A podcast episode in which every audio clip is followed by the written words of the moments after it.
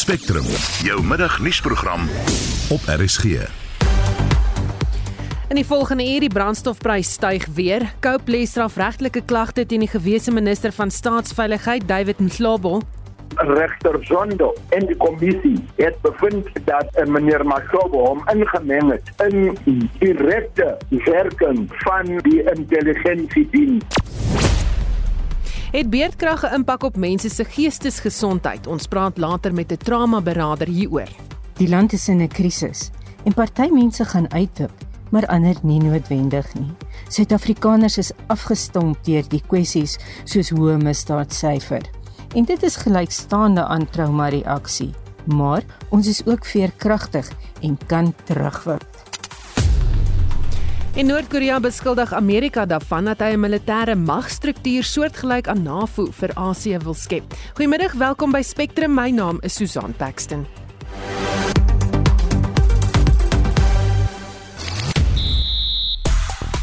Goeiemiddag. In sportnuus vandag.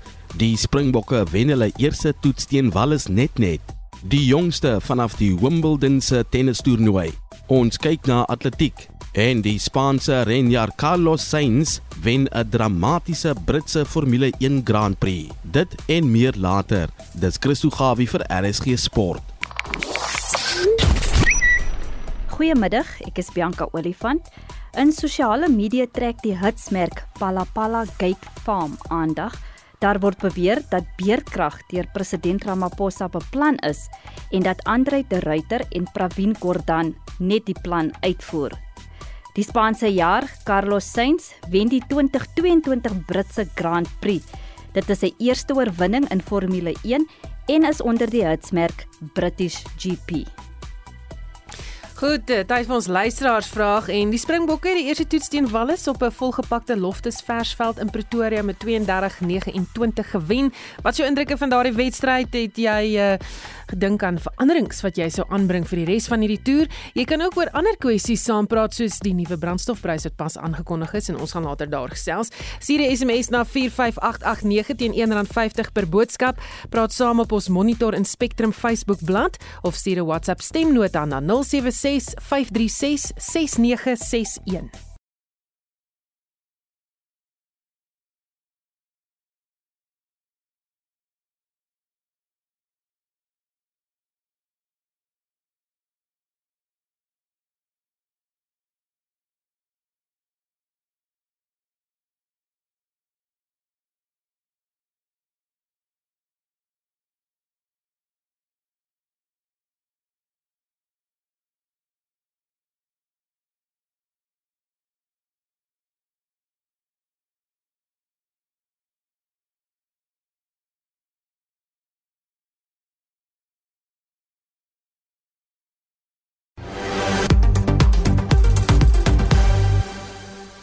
Sewe minute oor 12 jy luister na Spectrum. Die politieke party Cope het vandag strafregtelike klagte van korrupsie en geldwasery teen die adjunkminister van behuising, water en sanitasie, David Mthlobo by die polisie ingedien.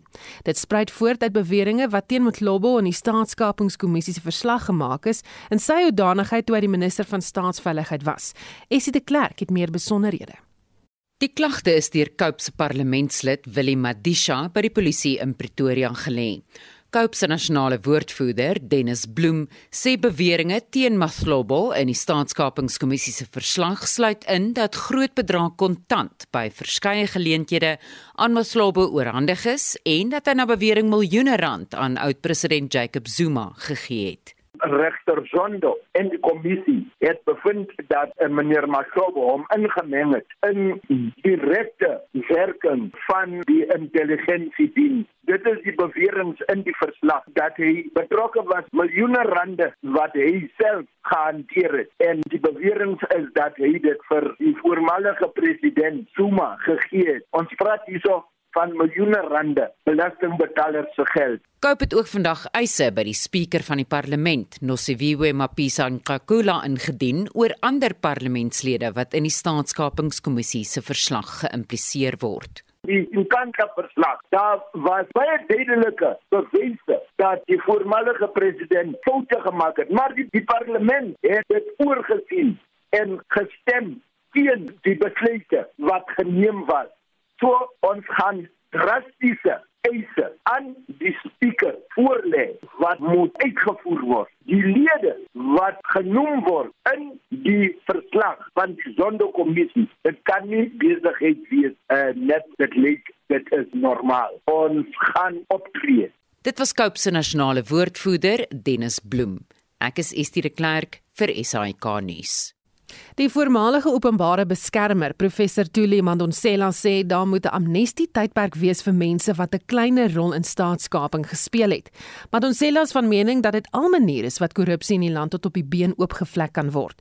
Daar is die wat dink die voorstel sal lei tot verdere vertragings om diegene wat skuldig is aan staatskaping te vervolg. Sy stem nie saam nie.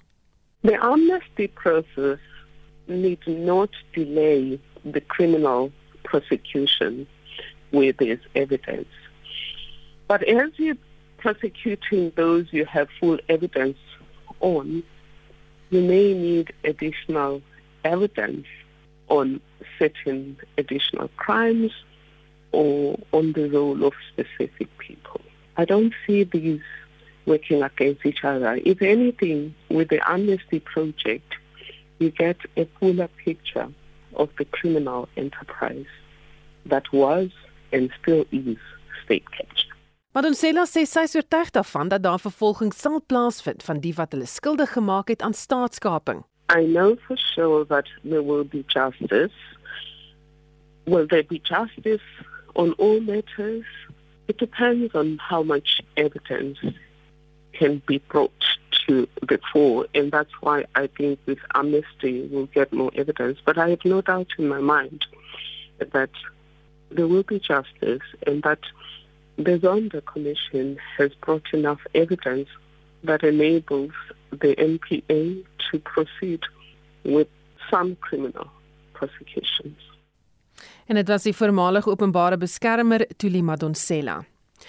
Die departement van minerale hulpbronne en energie het pas aangekondig dat 93 oktaan en 95 oktaan brandstof onderskeidelik met R2.37 en R2.57 per liter gaan styg Woensdag. Diesel met R2.30 per liter. Die woordvoerder van die departement, Robert Maakie, verduidelik dat die verligting op die heffing van R1.50 verminder is na net 75 sent. Good morning. I'm Robert Maakie from Department of Mineral Resources and Energy. The following fuel prices will be effective on Wednesday, the 6th of July. Petrol 93 octane will increase by 2 rand 37 cent. 95 octane by 2 rand 57 cents. Diesel will increase by 2 rand 30 and 2 rand 31 cents a liter. Paraffin will increase by 2 rand 21 cent at retail level. LP gas will decrease by 2 rand 18 cents per kilogram. The main reasons for this adjustment are as follows. The higher oil prices led to higher prices of petroleum products during the period under review. The temporary relief has been reduced from 150 cents to 75 cents per liter on the fuel levies. The rand strengthened against the US dollar and cushioned the prices by around 20 cents a liter. Lower demand for LP gas in US and in Europe led to a decrease of 218 cents per kilogram. En dit was Robert Maakie van die Departement van Minerale en Energie. Ons praat nou met professor Raymond Parsons, 'n ekonom van die Noordwes Besigheidsskool. Goeiemiddag Raymond. Goeiemôre Susan. Goed, as dit nou pas, dit het pas gebeur, die aankondiging dat die brandstofprys gaan uh, styg. Dit is redelike stywe stygings R2.37 sent, R2.57 sent per liter. Dis nou onskeidelike vir 95 en 93 oktaan. Diesel met R2.30 sent. Um, en dan is daar die heffing wat R1.50 was. Die verligting daarvan nou verminder na net 75 sent. Uh, wat maak jy van al hierdie verwikkelinge? Kyk Susan, ek dink ons moet aanvaar, dis nie onverwags nie. Dit gaan seermaak vir albei die sakelei en en die gewone verbruiker en ons ken die redes daarvoor. Ek dink ons moet nou weer vir ons vra wat kan ons doen om die impak hier van te oor die tyd te versag. Dit is wat belangrik is. Dit is die vraag wat almal nou vra. En in die kort termyn moet daar verdigting wees van die regering om hierdie heffing uh op te skort. Ek sien dit word nou verlaag, maar ek dink ons moet aanvaar dat as hierdie as hierdie oorlog aangaan, gaan hierdie probleem nog daar wees vir 'n hele paar maande. En ek dink ons moet daaroor besin wat meer kan ons doen op die kort termyn?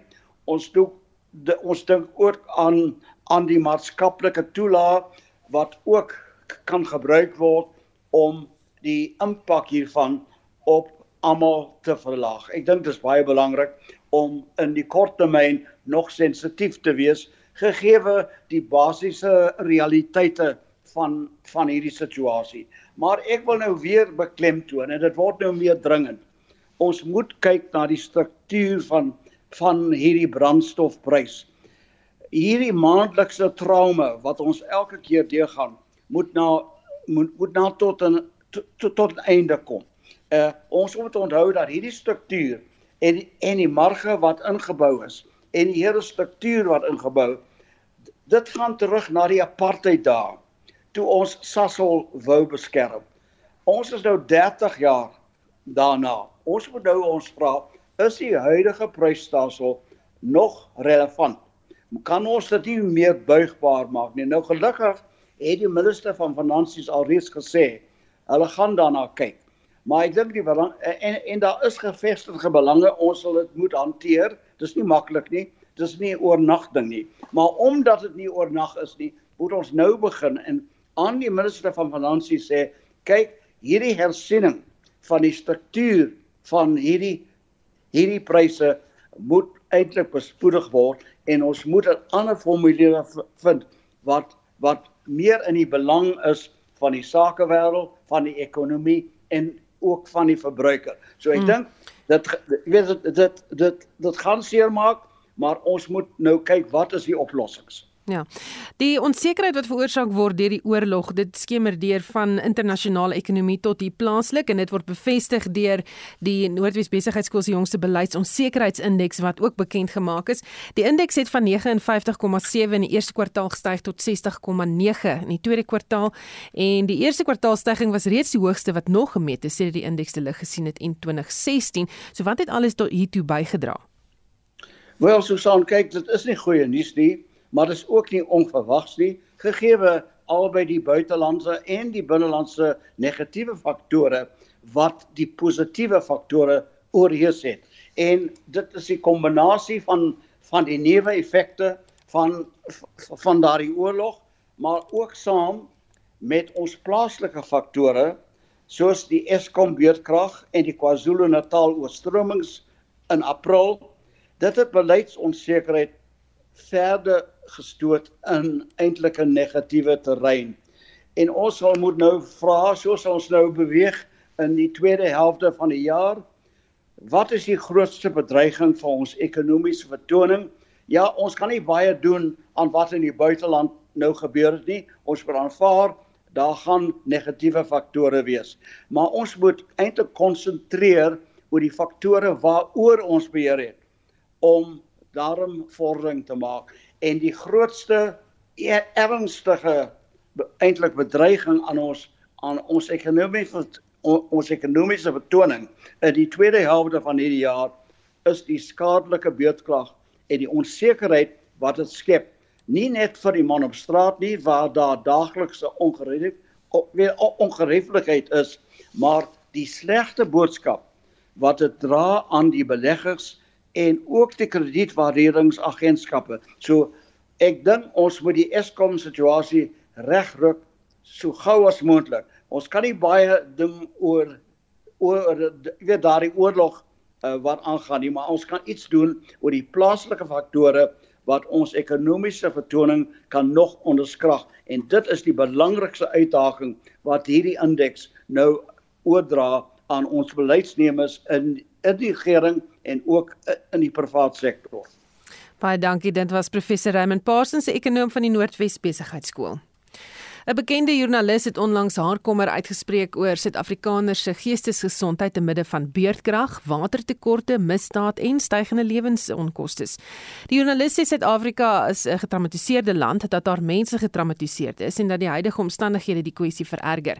Dit het ons laat wonder of die joernalis iets weet het en daarom praat ons nou met die bestuurshoof van uh, Intertrauma Nexus, Dr Barbara Lou. Goeiemôre Barbara. Goeiemiddag. Eers hoe definieer ons trauma?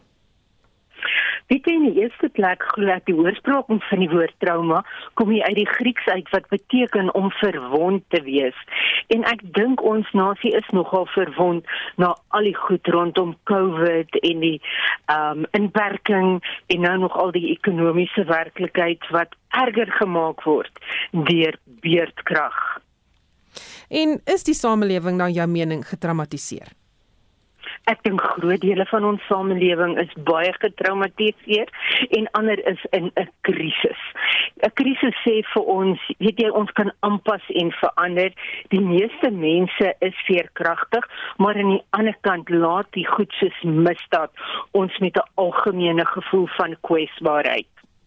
En ons sit met beerkrag soos ons nou gesê het, maar dis nie asof mense daarop reageer nie of ontsteltes mee nie. Niemand vaar die strate in nie. Ehm um, neem 'n mens die misdaadstatistiek in ag word daar ook nie meer 'n gewag gemaak daarvan nie. Wat lees jy daarin? Ek dink mense is vyfvoos.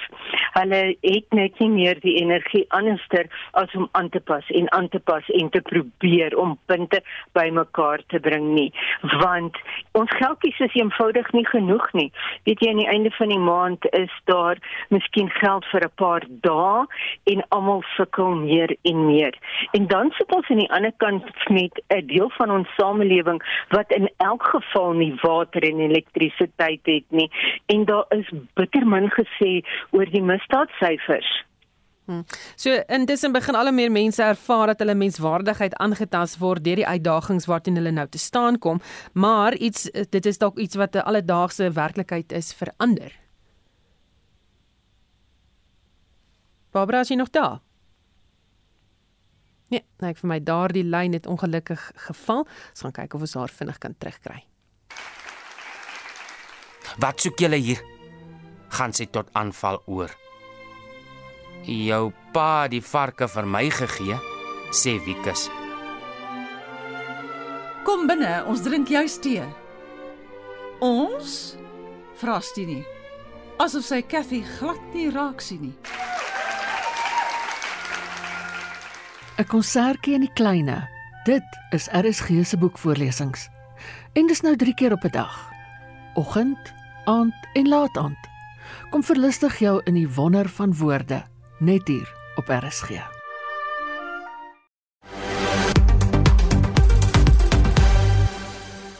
Goed, ons is terug en ons het vir dokter Barbara Lou weer op die lyn. Barbara, as jy daar? Ek is hier, so ja. Goed, ons het nou gepraat oor trauma en jy het 'n paar dinge genoem en ook dat van hierdie goeders vir ander mense of baie mense alledaagse werklikheid is. Ek dink so en weet jy iewerster glo ek dat al wat ons in hierdie tyd kan doen is om meer menslik te wees, om medemenslik te wees. Weet jy om 'n hand uit te reik na mekaar toe want almal kry gelyk swaar, almal voel gelyk onseker. En misdaad is 'n groot probleem. En net weer eens, hoe bly mens positief?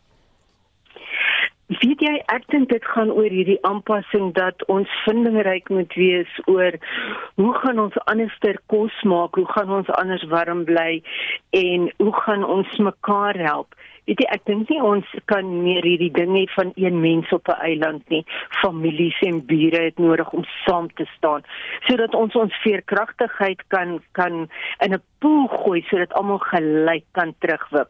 Want hierdie is 'n seisoen. Ek dink baie keer dan dink 'n mens die plek waar ek nou is, waar ek so seer het en so onseker het, is vir ewig en altyd, maar dit is 'n seisoen.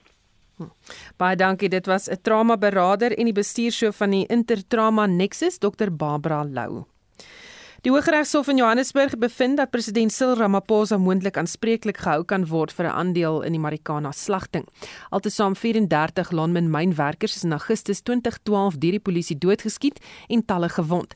Ramaphosa was 'n raadslid van Lonmin wat later deur Sibanye Stillwater oorgekoop is. Etsie de Klerk berig oorlewendes en families van die slagoffers wil eise teen Sibanye en Ramaphosa instel. Dis byna 10 jaar nadat die Lonmin slagting in 2012 net buite Rustenburg in Noordwes die wêreld aangegryp het.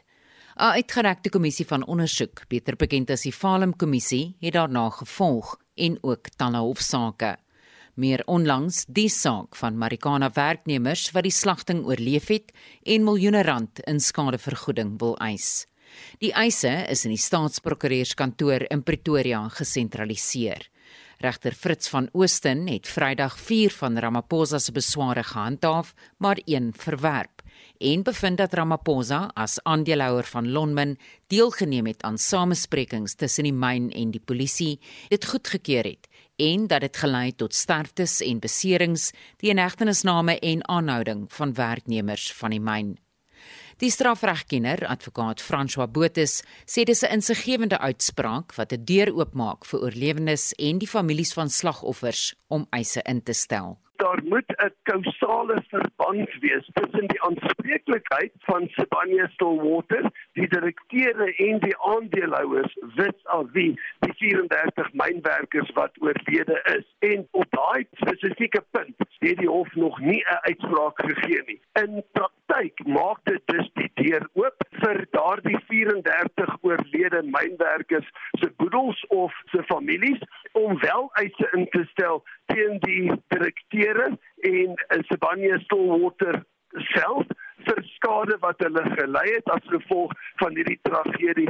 Baie belangrik, hierdie skade en natuurlik die kausale verband moet nog in 'n hof bewys word. Boete sê dit is egter onwaarskynlik dat Ramaphosa in 'n persoonlike hoedanigheid gedagvaar sal word. Meneer Ramaphosa se posisie is as direkteur of as aandeelhouer van die maatskappy is daar geen uitgemaakte saak dat 'n hof nou of in die toekoms 'n bevel gemaak in terme waarvan hy in sy persoonlike hoedanigheid gelas gaan word om 'n bepaalde bedrag geld te betaal nie.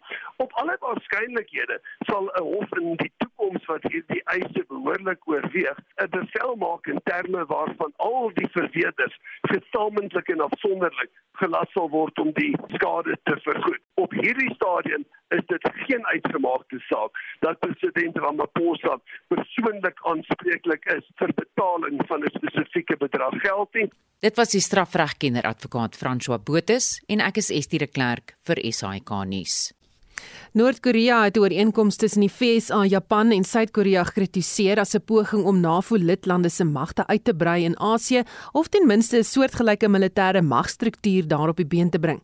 Noord-Korea sê verder dat die VSA gerugte oor die bedreiging wat Noord-Korea vir die streek inhou versprei sodat hy 'n beter houvas oor die streek kan kry. Ons praat nou met professor Antoni van Nieuwkerk aan die NISA se Thabo Mbeki Afrika Skool vir Internasionale Betrekkinge. Goeiemôre Antoni. Hallo Susan, goeiemiddag. Wat is die FSA en dalk NAVO se plan hier? Ehm um, uh, Noord-Korea is reg. Ehm um, snaaks van hulle uh, af reg. NAVO het besluit Ja, ja, dis uh die die die die bron van die ontleding uh uh is nie noodwendig uh, betroubaar nie want Noord-Korea speel sy eie spel in terme van magsverhoudinge in in uh, in Asië. Uh veral sy verhouding met uh, Suid-Korea en sy verhouding met China. Ehm uh, maar dis dalk 'n onderwerp vir 'n ander dag, jy weet wat van Noord-Korea gaan gebeur gaan word. Uh met sy kernbewapeningsplanne. En uh, dis een van die redes hoekom NAVO en Amerika wat NAVO maar dryf ehm um, uh, stappe neem om hulle invloedsfeer, hulle mag en invloed verder te laat geld in Suidoos-Asië of in Asië in Hebreë want daar lê 'n ander ehm um, projek voor vir NAVO uh, sodra hulle met Rusland afgehandel het en dit is om uh, China vas te vat, uh, vaste pen uh, en te voorkom dat die Chinese hulle eie mag en invloed in uh, Asië verder versprei. En dis om hierdie rede dat uh, Noord-Korea sê en hulle is heeltemal reg dat NAVO planne het En as mense nou 'n bietjie gaan kyk na ander bronne van inligting uh, buite die Noord-Koreane, dan kom jy agter maar daar is 'n klomp interessante ehm um, alliansie vormingsprosesse aan die gang as ek dit kan stel. Dit is bietjie soos 'n hoe sê mense in Afrikaans 'n incubator. Ehm um, goeders word 'n bietjie gekook in die pot en ons sal sien wat daar uitkom. Hoe lyk die uh, die dis? Maar uh, om vinnig te sê, jy weet daar's 'n baie interessante en kontroversiële militêre alliansie aan die vorm tussen uh, Australië en Amerika en Brittanje.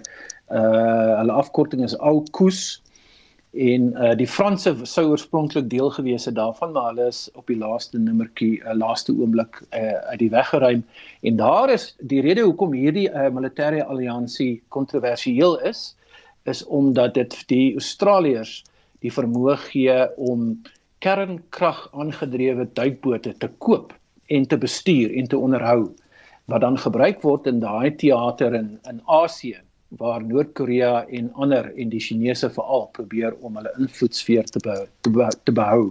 Hmm. En buiten hierdie ehm um, de drie lande wat nou uh, strategies saamwerk, ehm um, en mense kan dit nie onderskat nie kernwapen aangedrewe duikbote is daar die Japaneese wat met die Australiërs en die Amerikaners saamwerk. Hulle het 'n sogenaamde trilateral strategic dialogue.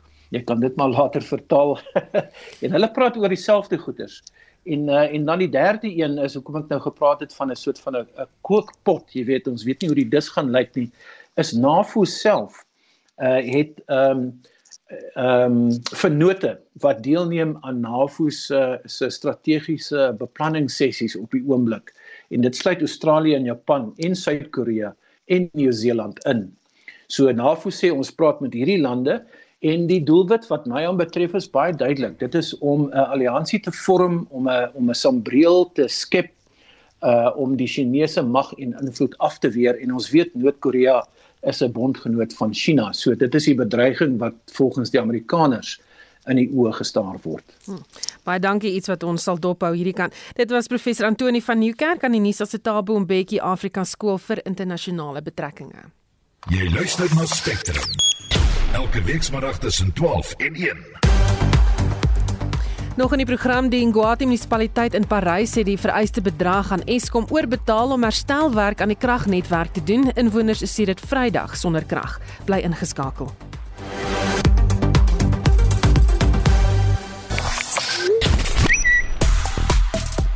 In sosiale media is die hitsmerk Ronaldo gewild.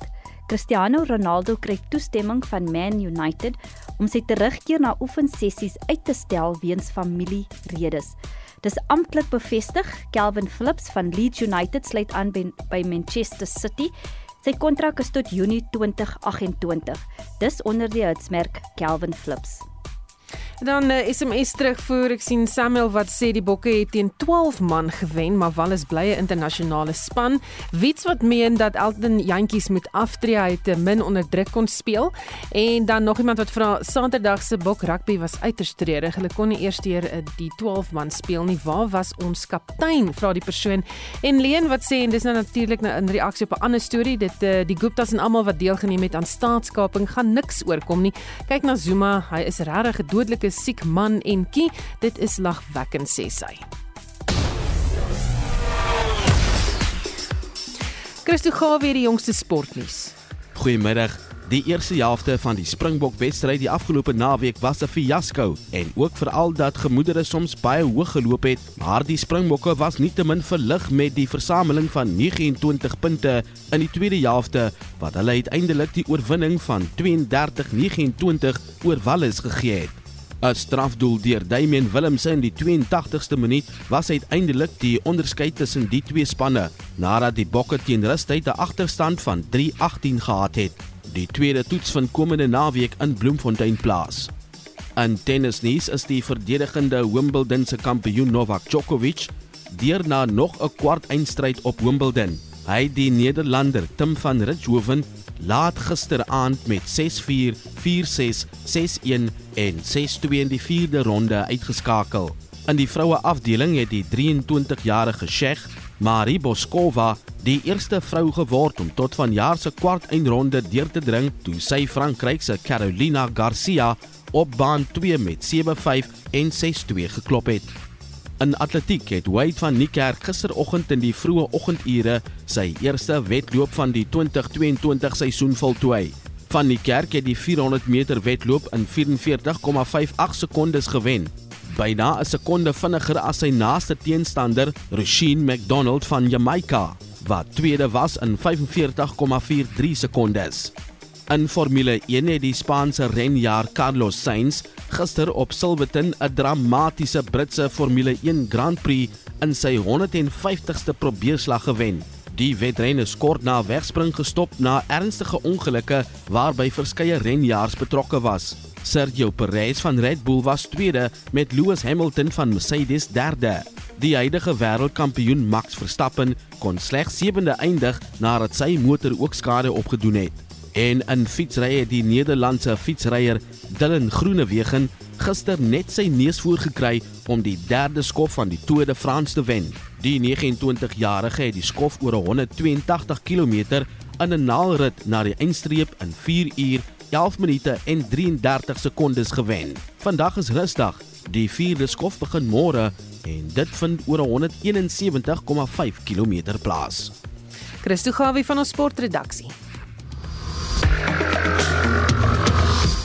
Jy luister na Spectrum. Die Appelhof in Bloemfontein gaan op 15 Augustus se aansoek aanhoor oor of die Hooggeregshof uitspraak wat oud-president Jacob Zuma se vervroegde vrylating op mediese parol ongeldig en irrasioneel verklaar het, korrek geïnterpreteer was.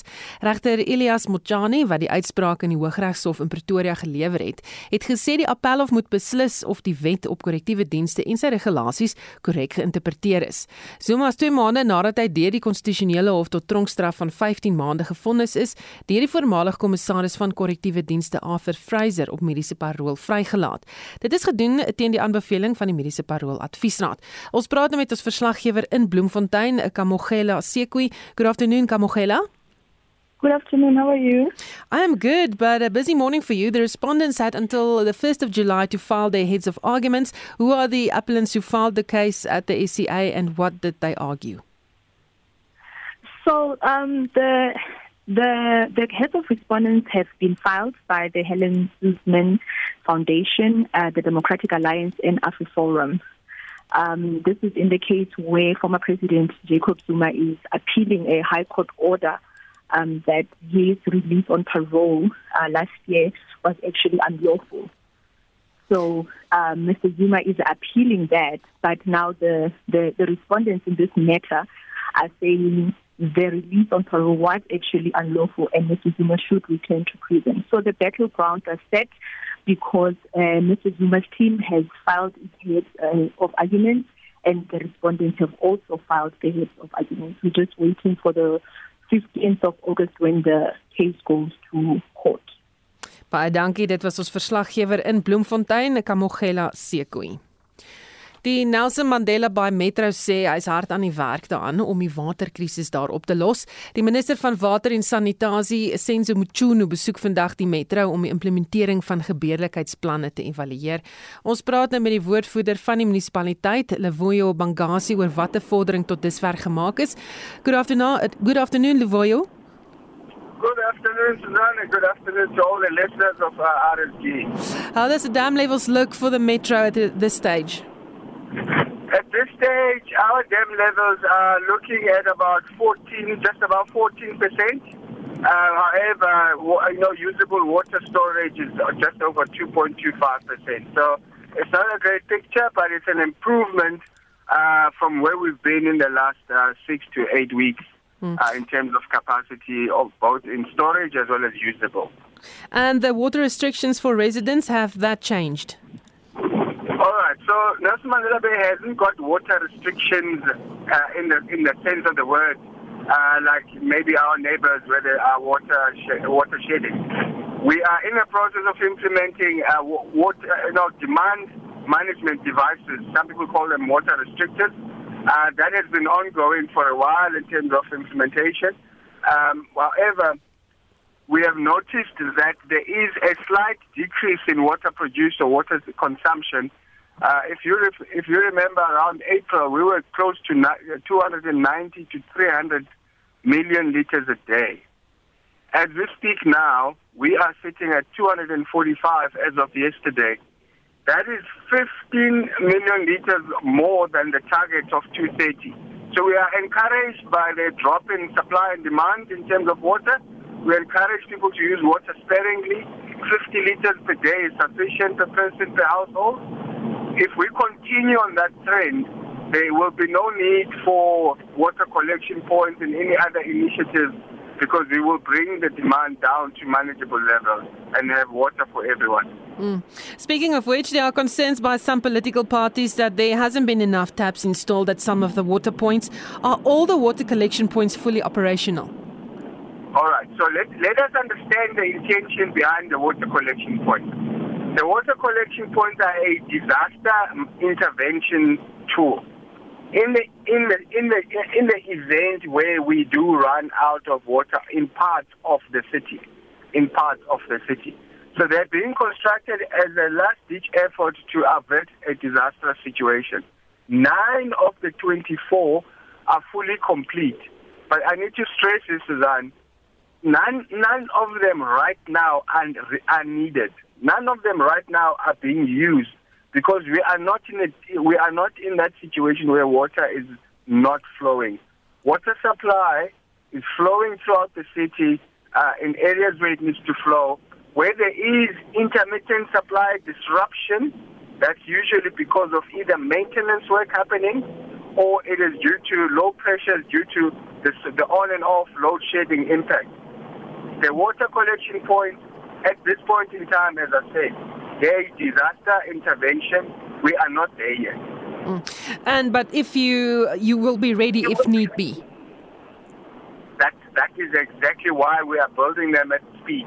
Mm. Uh, as I said, nine of the 24 uh, are there. But I, I guess you know I also must uh, empower your listeners to say the current situation is is stabilizing. We are not out of the woods by any means. Um, the, what happened today in terms of the commissioning of the KwaNobuhle water uh, pump station is a significant milestone. Here's why. Currently, the, the western supply is drying up, our local dams that are feeding the city from the west. We now have an intervention whereby 30 to 60 million liters of water will be transferred, pumped from the North Gedacht scheme to the affected areas on the west. So this intervention is so important, Suzanne, in that uh, it will stabilize our supply, but we all have to do our best in terms of reducing our own personal consumption to uh, 50 or under liters per day per person and allow these interventions to kick in. And obviously, we're also expecting uh, boreholes to come on stream, the first to come on stream at the end of July. We should get 5 million liters a day from that borehole. So the, the city is really preparing to, to push back and avert day zero. And, and, and we, we, we can see the signs of success.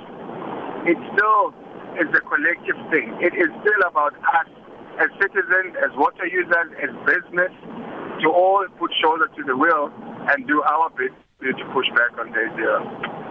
Baie dankie. Dit was Lewoyo Bangazi, die woordvoerder van die Nelson Mandela Bay munisipaliteit.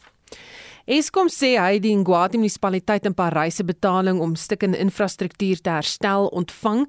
'n Bedrag van sowat 1 miljoen rand is vanoggend aan die kragvoorsiener oorbetaal.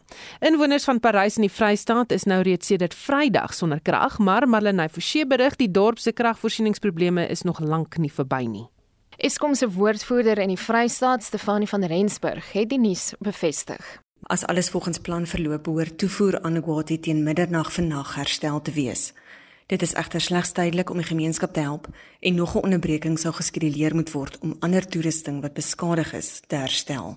Die Vaalrivier Ontwikkelingsvereniging se prokureur Lou van Wyk sê die munisipaliteit het vanoggend die vereiste bedrag aan Eskom oorbetaal. Van Wyk poog intussen om 'n skikking tussen Eskom en die munisipaliteit te bewerkstellig omdat betalende inwoners onder die geskil ly.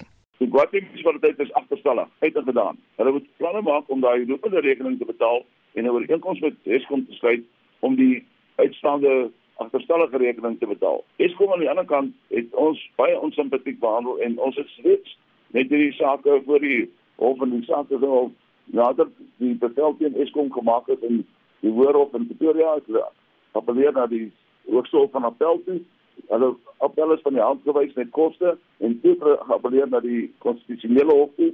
Die saak is op die 23ste Mei aangehoor voor die uh, die regters van die konstitusionele hof.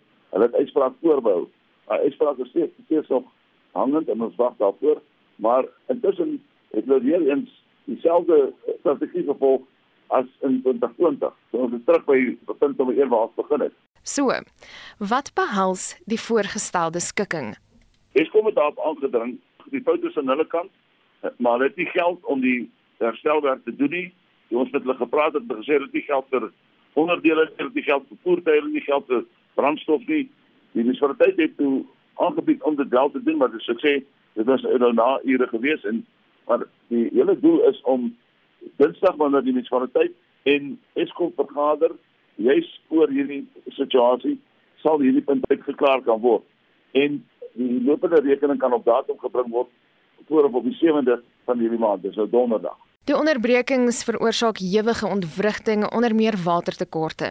Maar volgens die redakteur van die Parys Gazette, Liesel Skeepers, skroom inwoners nie om mekaar te help nie. Mense het net begin water aanry, sop kook, sodat mediese toestande het by die huis te help. Mense het aangebied dat hulle na hulle huise kan kom die wat wel kragopwekkers het om gou net iets wat noodsaaklik is te laai. Daar's private mense wat hulle boorgate by hulle huise beskikbaar gestel het vir water. Afvoerforum het gehelp. Weekie, ag hier is oorkamers hier soveel organisasies wat alreeds waardevolle werk in ons gemeenskap doen wat net eenvoudig nog meer hulle arms uitgestrek het om te help. Dit was net 'n ongelooflike poging wat mense so trots maak op hierdie dorp. Die koerant berig in diepte oor die dorp se kragprobleme en skieper sê hoewel die betaling gemaak is, die dorp se probleme nie noodwendig verby is nie. Daar gaan nog steeds heelwat kraglose ure vir um, verbruikers wees in Parys as gevolg van die landwyse Eskom beerdkrag, maar ook rotasie munisipale beerdkrag wat ek glo noodgedwongen nog steeds in plek sal wees. Parys is afhanklik van toerisme en dit begin nou onder die kragkrisis lê asseblief moenie ophou kom kuier nie. Ons hoop ons gaan ons probleme uitgesorteer kry. Dit was die redakteur van die Parys Gazette, Liesel Skeepers. Marlene Forsie, SAK nuus. Ons bly by nuus oor die krag. Beerdkrag word vir nog 'n week op fase 2, 4 en 6 ingestel, maar dit staan lig aan die einde van hierdie tonnel. 'n Dosent aan die skool vir chemiese en mineraalingenieurswese aan die Noordwes Universiteit, Corneel Skabort sê, die onwettige staking deur Eskom werknemers is nie die enigste rede vir die kragkrisis nie. Die realiteit van beerdkrag is al met ons vir 15 jaar. So al wat die stakende werkers gedoen het, hulle het 'n reeds moeilike situasie net moeiliker gemaak. Dan moet ons ook kyk na wat is die ander probleme wat tans sigbaar is. En die een is ons sien nog nie heeltemal dat die krag wat uit Mosambiek uit moet kom dis 600 megawatt dis 'n halwe fase beerkrag daardie lyn sien ek nog nie dat dit terug is nie so dit is een addisionele probleem en dan Kuiberg eenheid 2 moes eintlik al middel Junie terug gewees het. Hulle praat nou van middel Julie. Daar's nog 'n fase. Daar's 900 megawatt wat nie beskikbaar is nie. So as ons kyk na die ander faktore, dan sien ons die probleme gaan met ons weer selfs nou nadat die werkers terugkeer en weer begin werk. Dit kan weke, selfs maande vat. En selfs dan kan ons steeds nie met 100% sekerheid sê dat beurtkrag iets van die verlede gaan wees nie. Daar is oor die naweek berig dat Eskom sedert Januarie vanjaar 5,3 miljard rand aan diesel bestee het. Het dit te doen met die voortdurende gebruik van dieselreserwes en is dit 'n volhoubare uitgawe vir die kragvoorsiener? Daar word gepraat van 7 miljard rand wat spandeer is aan diesel die vorige finansiële boekjaar en dat daardie bedrag gaan opskuif na enige iets van 21 miljard rand en op. Nou dit is nie volhoubaar nie. En die rede hoekom dit gebruik word is letterlik om te voorkom dat die netwerke mekaar tuimel en dat ons totaal in al in duisternis gehul word, maar die realiteit is daar is nie 'n volhoubare oplossing nie. So diesel word gebruik om piektye addisionele krag na die netwerk te voer, maar daardie is definitief nie 'n oplossing op die langtermyn nie. Onthou daardie turbines wat gebruik word daarvoor, die doel van hulle is letterlik net om op kort tye addisionele krag te voorsien as daar tekort is. Maar wat tans gebeur is dit wat eintlik veronderstel is om vir kort tye gebruik te word, word nou vir baie baie langer tye gebruik. Daar's van hulle wat omtrent permanent hardloop, nie heeltemal permanent nie, want die diesel gaan nie hou as dit permanent bedryf word nie. Is beerdkrag erger hierdie winter in vergelyking met verlede jaar? Absoluut. As ons vandag bytel, ons is so amper 7 of 8 dae weg van die verbysteek van laas jaar se aantal dae. So die realiteit is, ons sit met 'n baie baie erge jaar. Hierdie jaar mag in die geskiedenis aangeteken word éventueel as die slegste jaar ooit in terme van beerdkrag. En dit was Corneel Skabort, dosent aan die skool vir chemiese en mineraal ingenieurswese aan die Noordwes Universiteit en hy het met Bianca Olifant gepraat. En vir die jongste oor die finansiële markte sluit Abri Grobler by ons aan. Hy's 'n welvaartbestuurder by PSG Pretoria. Oos, goeiemôre Abri. Goeiemôre Susan en middag aan al die luisteraars. Op die valutamarkte verhandel die rand 16.24 teenoor die dollar, 16.98 teenoor die euro en 1971 teenoor die pond. As ons kyk na die kommoditeite, staan die goudprys tans op 1800 uh en 5 dollar per fyn ons. Die platinumprys staan op 870 dollar per fyn ons en die olieprys staan op 111 dollar per vat.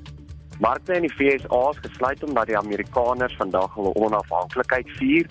In die res van die wêreld is dit maar 'n stil dag. Markte in Asië sluit hoofsaaklik hoër en in Europa verhandel die FTSE 100 tans 1% hoër, die Franse CAC verhandel 0.9% hoër en die Duitse DAX verhandel 0.4% hoër. Op die plaaslike front het die buitelanders laasweek op 'n netto basis 1.73 miljard rand se aandele aangekoop, volgens die JSE data wat vandag bekend gemaak is. Die JSE algehele indeks verhandel tans 1.8% hoër op 66800 punte. Onder die swaargewig maatskappye in die indeks verhandel Richmond 0.9% hoër, British American Tobacco styg 1.3% en Anheuser-Busch verhandel 1% hoër. Naspers as ook Prosus se aandelepryse daal vandag albei met meer as 1%. Hulbronne is een van die groot wenners vandag met die Hulbron indeks indeks wat 3.4% hoër verhandel. Impala Platinum as ook Sasol se aandelepryse verhandel beide 5% hoër. Laastens styg die nywerheidsindeks met 0.8% en die finansiële indeks verhandel 2% hoër met Sanlam en Investec wat tans meer as 2.5% hoër verhandel. Dis dan al van my kant af vandag. Ons gesels gou weer. Baie dankie. Dit was Abri Grobler, 'n welvaartbestuurder by PSG Pretoria Oos. Owerhede in KwaZulu-Natal sê vanjaar se Durban July perdewedren het meer as 700 werksgeleenthede geskep. Meer as 35000 mense het die afgelope naweek die jaarlikse perdewedren bygewoon. Jamie Verhoef doen verslag. Right there. On the outside, do it again. Moving in. Van Suid-Afrika se beste modeontwerpers het vir die eerste keer in 2 jaar die geleentheid gehad om hul ontwerpe tentoon te stel. En vanjaar se tema, Show Me the Honey, het gesorg vir 'n see van verskillende skakerings van geel. Die wenner van vanjaar se opkomende ontwerper toekenning, Martin Steenkamp, sê hy's verheug dat sy werk erken word. There's a lot of engagement. You get to see the excitement and you get to see the enthusiasm of the people around the Durban July. But you also get to see how people respond to your work, most importantly. Whereas opposed to with the virtual shows, we couldn't really see how people really responded to your work. So it's really exciting to have this platform back again. Gaste was in hulle noppies oor die geleentheid om weer eens te beïndruk met ontwerpers uitrustings. I like bright colors because of my skin. You can see I'm a yellow bone. What inspired my outfit? It's a nature. I love nature things. I'm so excited because it's about three years now. I'm not coming to Durban in July. KwaZulu-Natal se premier, Sihle Zikalala, sê die geleentheid sal die provinsie se ekonomie 'n nodige hupstoot gee. More than 750 people are employed in this work that is brought by this horse racing. Now it means we're going to have that vibe that also bring life to the people, but it also means the economy is now going to grow more than what we have seen in the past two years. Die uitvoerende hoof van Trade and Investment KwaZulu-Natal, Neville Maatjie, stem saam. Our hotels are full to capacity from the tourism side. It's a great opportunity. We've seen, of course, recent products such as Radisson Blue, championed by uh, Vivian Reddy, that is also full to capacity. I've also seen a number of diplomats, the ambassador of the UAE, who's also here, really gets to show that everyone wants to be in Durban and the economy is open, Durban is open. 18 perde en hul jockeys het meegeding vir 'n prysgeld van 5 miljoen rand. Sparkling Water en Jockey Smanga Kumalu het die eerste plek behaal. Die verslag is saamgestel deur Nonhlakanipo Magwaza. Ek is Jan Marie Verhoef vir SAK. This is a top victory. En beerdkrag raak ook vir ons en uh, Estie daar lyk like dit vir my het 'n beerdkrag so ons moet daar oor die telefoon gesels nie op WhatsApps gewoonlik nie. Estie het vandag vir ons die nuus en ontwikkelende stories dopgehou. Ja, Susan, die voormalige openbare beskermer professor Tuli Madonsela sê daar moet 'n amnestie tydperk wees vir mense wat 'n kleiner rol staatskaping gespeel het. En sy sê dit is die enigste manier hoe korrupsie tot op die been oopgevlek sal kan word. The amnesty process needs not delay the criminal prosecution where there's evidence. But as you're prosecuting those you have full evidence on, you may need additional evidence on certain additional crimes or on the role of specific people. I don't see these working against each other. If anything, with the Amnesty Project, you get a fuller picture. Kaap se nasionale woordvoerder Dennis Bloem sê die party het vandag strafregtelike klagte van korrupsie en geldwasery teen die adjunkminister van behuising, water en sanitasie, David Maslobo, by die polisie ingedien en dit spruit voort uit beweringe wat teen Maslobo in die staatskapingkommissie se verslag gemaak is hy die minister van staatsveiligheid was.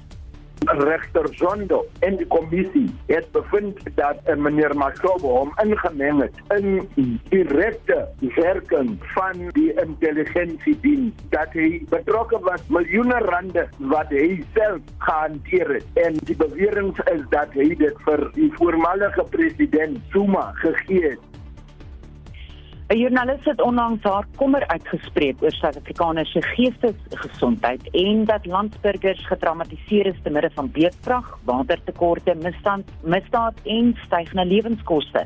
Nou, ons het gaan kers op seek by 'n traumaberader, Dr Barbara Lou groot dele van ons samelewing is baie getraumatiseer en ander is in 'n krisis. 'n Krisis sê vir ons, weet jy, ons kan aanpas en verander. Die meeste mense is veerkragtig, maar aan die ander kant laat die goed soos misdaad ons met 'n algemene gevoel van kwesbaarheid. Mense is vyfvoets. Hulle het net nie meer die energie anderster as om aan te pas en aan te pas en te probeer om punte bymekaar te bring nie.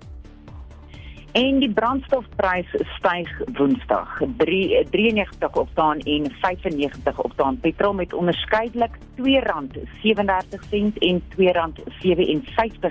per liter en diesel met R2.30. En 'n brandpunt om kwart voor 6 berig ons hoe mense probeer om brandstofverbruik te verminder en dat heelwat van die sogenaamde wondermiddels skadelik is vir jou motor se engine en nie altyd help met brandstofverbruik nie. Dank baie opwindend en dit was Essie met 'n oorsig oor die nuusstories.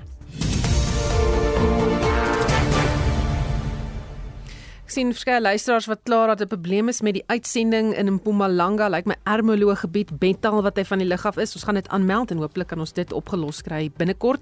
En dan 'n pensionaris uh, wat sê dat uh, hulle kry baie swaar veral met hierdie uh, beerdkrag in Gauteng en dan ook 'n voorstel Eskom kan die beerdkrag in die middel van die dag doen, nie uh, 5 uur in die middag as ouers tuis kom en sukkel met die kinders nie.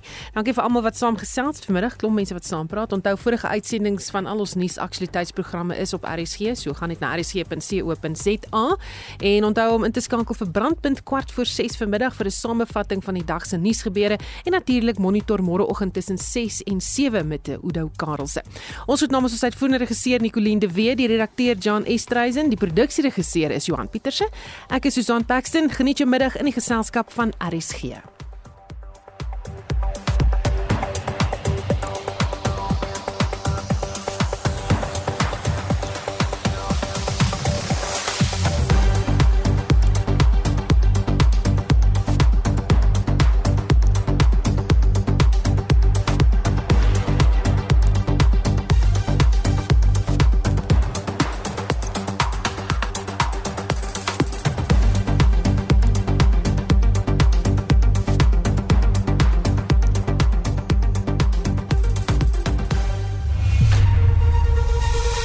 SAK nuus.